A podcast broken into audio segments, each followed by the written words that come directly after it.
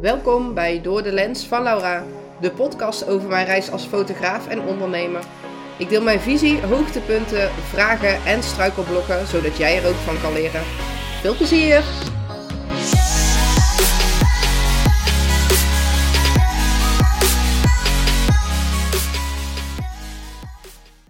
Hallo, welkom bij deze tweede aflevering van mijn podcast. Welkom en echt superleuk dat je de tijd neemt om te luisteren.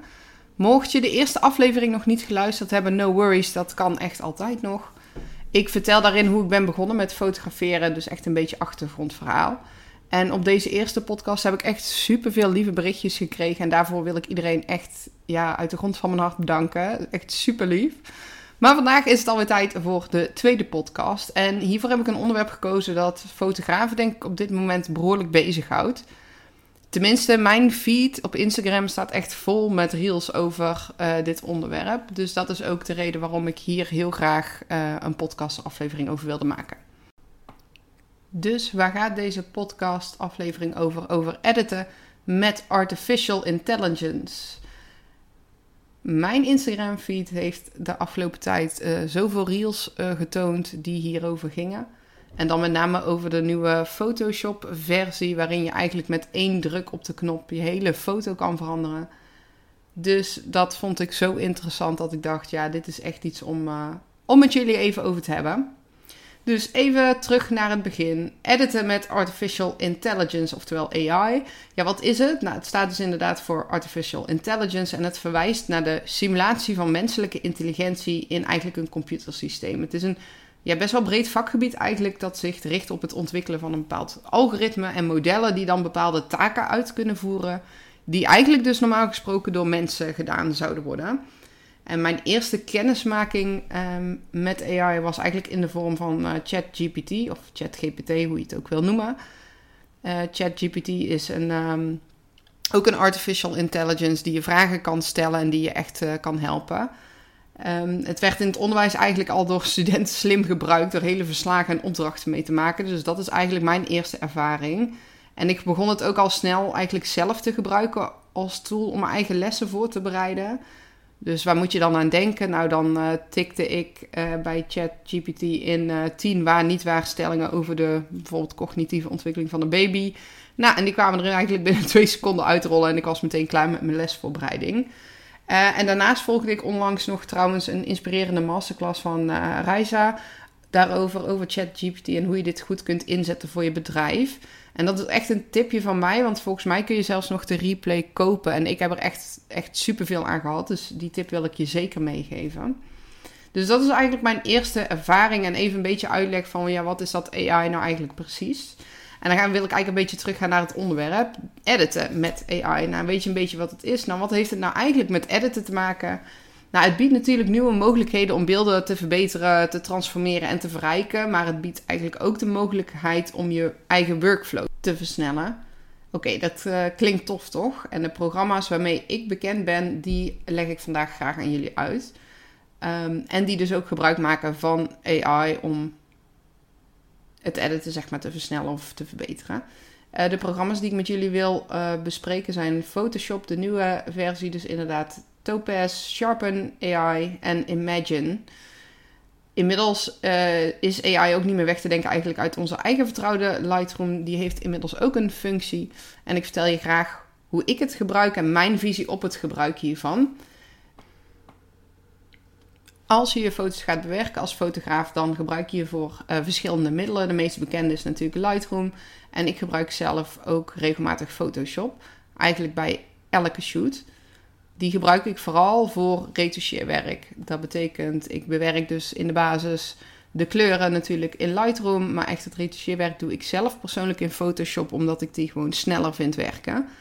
Uh, ik maakte daarbij eigenlijk al veel gebruik van de reparatietool om bijvoorbeeld stopcontacten weg te werken. En wat deed Photoshop dan eigenlijk? Content weer invullen. Oftewel, die keek dan naar de omgeving en maakte op basis daarvan een inschatting van: oké, zo moet ik dat plekje opvullen. Nou, dat werkte natuurlijk echt al top. Nu heeft Photoshop een nieuwe ja, versie eigenlijk gelanceerd, de Photoshop beta versie. Die kun je overigens uh, downloaden gewoon als je in de Creative Cloud zit. Dan zie je die gewoon staan. En die heeft dus uh, door middel van Artificial Intelligence een nieuwe functie en dat heet generatief vullen. Dat betekent eigenlijk dat Photoshop AI gebruikt om dat op te vullen. En je kunt AI ook echt heel veel vragen. Dat betekent, ik had laatst een, een hack met de shoot. Ehm, die had ik, nou ik zal het even op de ouderwetse manier weggehaald. Deels met de reparatietool, met de kloonstempel en met het snel retoucheer penseel. Maar nu dacht ik, hé, hey, ik heb die versie van Photoshop, dus laten we dat eens testen. Nou, wat doe je dan? Je selecteert eigenlijk gewoon het hack. En je geeft eigenlijk de opdracht remove the fence. Dus oftewel, haal het hek weg. Je klikt op enter en hij is gewoon in één keer weg. Nou, serieus, het zag er echt niet slecht uit. Let wel op, de hele omgeving was behoorlijk aangepast. Maar het zag er zeker, zeker oké uit. Nou, en waarom zijn er nu eigenlijk zoveel berichten en posts over deze versie van Photoshop? Omdat je dus ook met één klik op de knop dingen kunt toevoegen die er helemaal niet zijn. En ik weet niet of dat je dus in, onlangs mijn story op Instagram hebt gekeken. Maar ik heb een foto van mezelf gebruikt en die echt compleet aangepast. Meer bloemen in het veld. Ik had een dramatische golden hour toegevoegd. Oh, en in plaats van een camera in mijn hand, mocht AI daar voor mij een kip van maken. En daar moesten heel veel van jullie ook echt om lachen. Ja, ik zelf, serieus, ik heb er echt om gelachen. Maar ik kan me ook heel goed voorstellen dat wij, hè, creatievelingen, lifestyle fotografen, ons hier echt wel zorgen over maken. Want wat is dadelijk dan nog de grens tussen echt en nep? En kunnen mensen dit straks ook nog onderscheiden? En misschien maken we ook een, ja, ons wel een beetje druk over ons beroep. Van wat gaat AI dadelijk overnemen? En dat zijn allemaal, denk ik, wel terechtste dingen om over na te denken. Ik kom op het einde van deze aflevering sowieso nog op terug wat ik van het gebruik vind. Maar ik wil eerst even de verschillende tools met jullie bespreken die ik in ieder geval ken en waar ik gebruik van heb gemaakt of die ik in ieder geval getest heb. Dus heb je dit nog niet getest, ik uh, nodig je van harte uit om daar eens mee te spelen, zodat je zelf ook weet wat Photoshop op dit moment allemaal kan. En graag wil ik met jullie door naar de volgende. En dat is Topaz Sharpen AI. Of ja, zo noem ik het. Ik weet niet of dat ik het goed uitspreek. Maar die tool die gebruik ik al wat langer. Nou, hoe ben ik daarmee begonnen? Als fotograaf heeft Instagram het goed voor elkaar. En je wordt als fotograaf ook echt doodgegooid met reclame die voor jou geschikt is. En bij mij kwam deze tool echt wekelijks, nou misschien wel dagelijks zelfs voorbij. En ze adverteren um, hun tool eigenlijk als volgt. Het is een AI-gebaseerde manier om foto's te verscherpen op een natuurlijke wijze. En dat is ook echt wat die tool doet. het leek me alleen super interessant, maar het kostte geld. Dus ik had zoiets van, ik begin er niet eens aan. Tot ik een imperfecte perfecte foto had. Ja, wat bedoel ik daarmee? De foto was echt fantastisch mooi. Maar er zat net een klein beetje motion blur, oftewel bewegingsonscherpte in. En ondanks dat ik nog even had gecheckt hoe mijn instellingen stonden en of dat ik niet per ongeluk iets aan mijn sluitertijd had gedaan, ik check namelijk ook heel vaak bij mijn beelden als ik denk, nou, ik vind hem net niet goed eruit gekomen. Heb ik in mijn instelling iets verkeerd gedaan, ja of nee? Dan kun je ook bij jezelf even checken, heb ik het goed gedaan of zit het hem ergens anders in? In dit geval dacht ik, ja, waarschijnlijk is het toch uh, de camera dat hij even niet zo snel mee kon. Goed, in die imperfecte, perfecte foto zat dus wat bewegingsonscherpte. Het was gewoon net, net niet zoals ik hem zou willen afleveren aan mijn klant. Dus wat ga je dan doen? Nou ja, gewoon balen als een stekker, want dit wilde ik gewoon dus niet afleveren. En toen dacht ik weer terug aan die reclame. En ging dus overstag om eens te kijken of dat deze tool dan uiteindelijk iets voor mij kon betekenen. En ja hoor, hij maakte de foto echt net alsof hij rete scherp was. Ja, dat vond ik echt fantastisch. Uh, ik verdiende daardoor wel wat minder aan de shoot. Maar het intrigeerde mij gewoon enorm dat ik eens wil uittesten wat dat programma deed. Uh, daarna heb ik het denk ik nog twee of drie keer gebruikt bij foto's waarvan ik dacht, ja, het is net niet scherp genoeg of het is net niet scherp ook op een ander gebied dat ik wilde. Maar ik kan achteraf eerlijk gezegd niet zeggen of dat ik het de prijs waard vond. In ieder geval voor de hoeveelheid dat ik het gebruik, denk ik achteraf van niet. Omdat ik het eigenlijk echt nauwelijks gebruik. Het is echt voor die ene, die ene foto die je heel graag aan je klant wil afleveren, die net niet helemaal perfect is. En eerlijk gezegd komt dat gewoon niet zo heel erg vaak voor. Gelukkig, dat is misschien alleen maar goed. Mocht je daar wel wat vaker last van hebben, dan zou ik sowieso even controleren of dat je foto technisch goed geschoten is. Maar deze tool kan je dus wel echt serieus helpen om de scherpte net wat beter te krijgen. Dus tipje om daar misschien ook eens naar te kijken. Doe ermee wat je wil in ieder geval. En dan wil ik met jullie heel graag door naar de volgende tool die ik uh, zelf ook wel eens gebruik nu. Want onze eigen Lightroom maakt namelijk inmiddels zelf ook gebruik van AI. Onder het kopje namelijk details zie je ruis verminderen met super handig wanneer je tijdens een donkere dag hebt moeten shooten. Deze optie is echt een stukje geavanceerder dan de eerdere gewone ruisreductie, als ik het zo maar mag noemen. Want hiermee maakte hij, vond ik persoonlijk, de foto net wat waziger en niet per se even scherp. Dus die ruisreductie heb ik niet zo heel vaak gebruikt. Deze nieuwe functie kan zeker handig zijn. Al vind ik wel dat je moet streven naar een technisch goede foto. En dan kan er soms ooit wel eens wat ruis bij horen. Maar heb je een donker bijvoorbeeld veel te donker geschoten en wil je daarna redden met deze functie, weet ik niet of dat, dat echt het resultaat geeft wat je had gehoopt. Maar onlangs had ik wel echt een, een donkere ruimte daarin een newborn shoot gehad. En toen heb ik deze nieuwe uh, ruisreductie eigenlijk geprobeerd. En dat deed hij best goed. Dus tipje voor degene die ook uh, daar last van hebben of uh, net iets te veel ruis hebben in de foto, test deze nieuwe functie van Lightroom ook even zeker. Dan wil ik graag door naar de volgende en tevens eigenlijk laatste tool die ik met je wil bespreken. En dat is eentje die ik al tijden wilde uitproberen, maar eigenlijk nooit echt voor ben gaan zitten. En voor deze podcast, dus eigenlijk speciaal voor jullie, heb ik dat wel gedaan. En dat is Imagine AI. Nou, Imagine adverteert als volgt: Het is een AI-gebaseerde fotobewerkingsoplossing voor Lightroom Classic dat jouw persoonlijke stijl leert en je tijd zal besparen. Nou, dat klinkt natuurlijk heel leuk. En het leert eigenlijk op basis van 3000 foto's die jij toevoegt met jouw manier van editen, hoe jij edit. Nou, wat moet je hiervoor doen? Hiervoor dien je een aantal van jouw catalogussen van Lightroom te uploaden. Dus hierbij moet je echt tot die 3000 foto's komen. En zo leert AI jouw stijl van bewerken. Imagine bewerkt daarna dus de beelden voor jou, kropt ze, oftewel snijdt ze bij. Werkt voor jou met maskers echt gewoon bizar. Nou, tijd om het uit te proberen natuurlijk. Nou, allereerst moet Imagine AI dus mijn stijl leren kennen. En ik was best wel wat tijd kwijt om dit voor elkaar te krijgen. Ik heb een profiel gemaakt voor mijn gezins- en newborn shoots. Ik gebruik namelijk voor beide typen shoots dezelfde preset. Even tipje tussendoor, mijn preset is ook te koop. Maar goed, terug naar het onderwerp. Je zou bijvoorbeeld ook een profiel kunnen maken voor bruiloften. Mijn edit is met bruiloften bijvoorbeeld net een klein beetje anders. Met name met de hoeveelheid foto's van bruiloften die je moet editen, kan ik me voorstellen dat Imagine dadelijk je edittijd echt aanzienlijk kan verkorten.